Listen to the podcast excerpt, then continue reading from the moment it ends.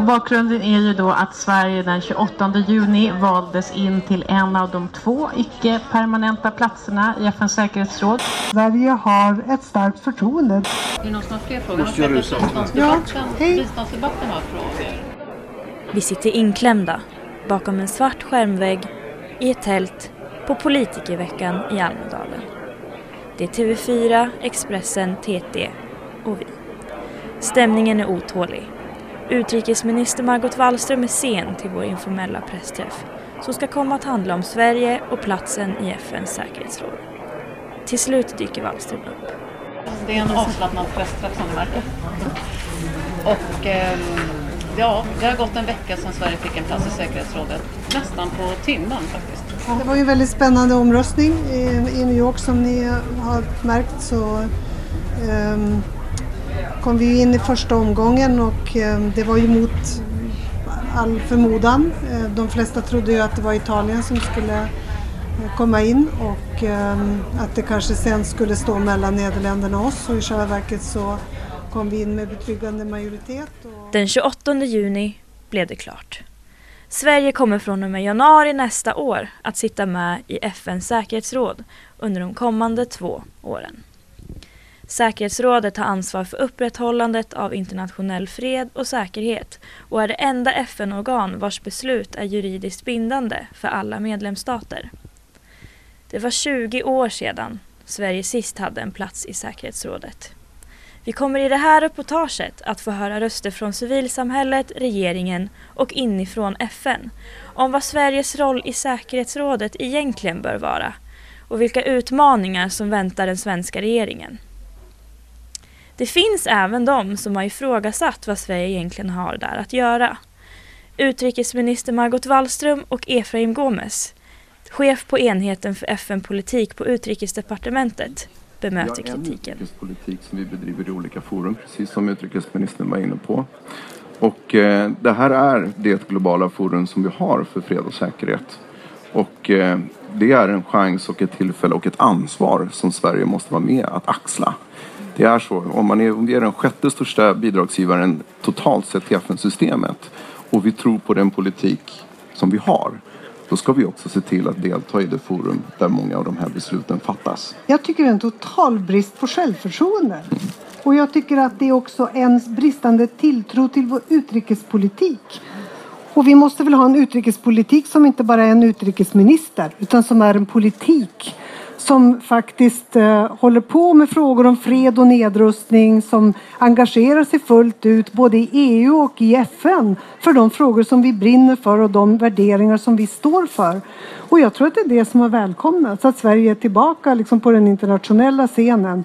Jag tycker det är ett lite patetiskt argument och sorgligt. Mm. Eh, men eh, nu är vi där. Mm. Och eh, jag tycker faktiskt att vi förtjänar den platsen. Vi har bidragit med så mycket av engagemang, av folk, av pengar, av insatser till FN under årens lopp. Och det var tio år sedan ett nordiskt land hade plats där och det var 20 år sedan Sverige satt där. Det är klart att vi behöver den insynen och inflytandet och möjligheterna att påverka. Så ser jag på det. Mm och får ändå fortsätta vara lite jobbig. Kandidaturen för platsen i säkerhetsrådet har pågått i flera år. Sverige har tävlat mot två andra västeuropeiska länder, Italien och Nederländerna. Kritik har riktats mot regeringen om hur kampanjen för kandidaturen har drivits. Finansieringen av kampanjen har ifrågasatts och vissa påstår att Sverige i jakten på röster kompromissat om grundläggande principer, som mänskliga rättigheter. Moderaten Sofia Arkelsten är en av dem som kommer att hålla ett kritiskt öga på regeringens agerande framöver. Ja, regeringen har fått en del kritik för att man har varit mesig och, och lagt sig lite i mänskliga rättigheter-frågor i själva kampanjmomentet och det tycker jag är fullständigt orimligt om det är så. Eh, så att jag förutsätter att vi kommer vara ganska hårda och att vi levererar och ser till att vara relevant och viktig. Men det är också upp till regeringen att, att leverera på detta och är det bra saker så stöttar vi det för att jag tror att det finns en styrka i att Sverige kan vara enigt. Men är det dåligt då kommer vi säga det. Annika Söder arbetar som kabinettssekreterare på Utrikesdepartementet. Enligt henne är det just engagemanget för rättighetsfrågor som kommer att vara Sveriges viktigaste bidrag. Vi står ju för ett litet lands perspektiv. Vi står för folkrätten, mänskliga rättigheter och kvinnors rättigheter och det gör ju inte alla länder så det är ju någonting som är viktigt att vi, att vi för fram. Någon som har stor erfarenhet av arbete med mänskliga rättigheter är Anders Kompass. Han arbetade tidigare på kontoret för FNs högkommissarie för mänskliga rättigheter. För två år sedan så slog kompasslarm om sexuella övergrepp utförda av FN-soldater. Då stängdes han av från sin post. Han saknar rättighetsperspektivet i de säkerhetsfrågor som diskuteras i säkerhetsrådet. Det finns ju fortfarande medlemmar i säkerhetsrådet eh, och till och med några av de permanenta medlemmarna som försöker hävda att mänskliga rättigheter har inte, eh, har inte någon plats på säkerhetsrådets eh, agenda. För att det handlar om säkerhet, det handlar om fred och att eh, mänskliga rättigheter är någonting som man ska då diskutera i män, mäns, människorättsrådet i Genève. Och det där är ju ett helt fel perspektiv för att ska, vi, ska man tala om, om de här att skapa fred så handlar det också om att skapa förutsättningar för att respektera mänskliga rättigheter. Annars så blir det ingen hållbar fred. Och detsamma eh, gäller de här stora fredsmissionerna att eh, eh där, där det är väldigt mycket av konflikterna har handlat om bristande respekt för mänskliga rättigheter och för att skapa trovärdighet också för det arbete som fredsmissionerna gör så måste man ha med ett människorättsperspektiv hela tiden. Som Kompass nämner finns det i säkerhetsrådet fem permanenta medlemmar. Frankrike, Kina, Ryssland, Storbritannien och USA. Dessa länder har dessutom vetorätt. Sammanlagt är det 15 medlemmar i säkerhetsrådet varav resterande 10 väljs in för tvåårsperioder. Lena Ag, generalsekreterare för Kvinna till Kvinna, berättar om problematiken med vetorätten och hur Sverige ska tackla detta. Nej, men alltså det är ju så här att eh, säkerhetsrådet domineras ju av kärnvapenmakterna idag, de så kallade P5. Det är ju de som, som liksom har den ultimata och yttersta makten och kan lägga in sin vetorätt. Och då gäller det då att samla eh, allianser eh, och kanske samla ihop de länderna som också har problem med att stormakten har för mycket inflytande. Men till syvende och sist så är det ju ändå så att det är stormakterna som bestämmer i säkerhetsrådet. Så det gäller ju liksom att komma in på ett diplomatiskt sätt med de här olika perspektiven och att skapa någon form av win-win situation. Men det är faktiskt också så att säkerhetsrådet fattar ju en mängd beslut om en mängd resolutioner och då handlar det ju om att se till att de resolutionerna också verkställs. En av de konflikter där säkerhetsrådet inte lyckats komma fram till några egentliga beslut är den i Syrien. Anders Kompass igen. Det andra är väl eh, eh, är ju naturligtvis eh, kring den här stora, stora frågan som är den stora tragedin idag, nämligen Syrienkonflikten. Och eh, där är ju med hela flyktingfrågan, eh, de all fruktansvärda brotten mot mänskliga rättigheter som konflikten handlar om, nämligen att det är civilbefolkningen som drabbas.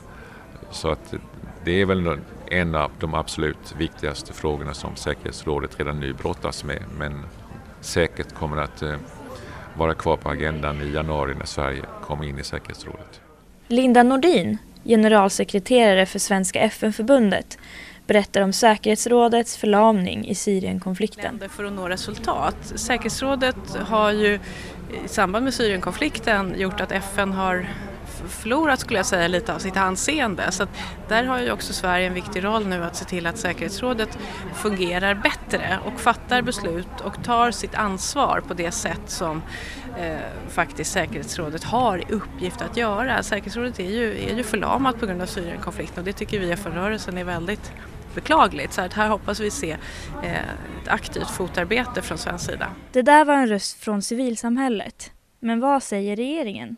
Ja, det är ju riktigt att eh, särskilt efter Syrien där det dröjde så lång tid innan Syrien, innan Syrien hamnade på säkerhetsrådets dagordning att, det, att här använder man vetot eh, och under tiden så har så många människor dött eller, eller försatts på flykt. Så att det är klart att det finns en stor misstro till säkerhetsrådets framförallt förmågan att förebygga eller ingripa snabbt. Och det är ju just en av de frågor som vi tycker att man måste diskutera. Hur ska FN bli bättre på att, eh, att komma in tidigare och förebygga krig och konflikter? Men vad kommer då Sveriges regering konkret att göra för att hantera problematiken kring vetorätten? Vi hör Wallström igen.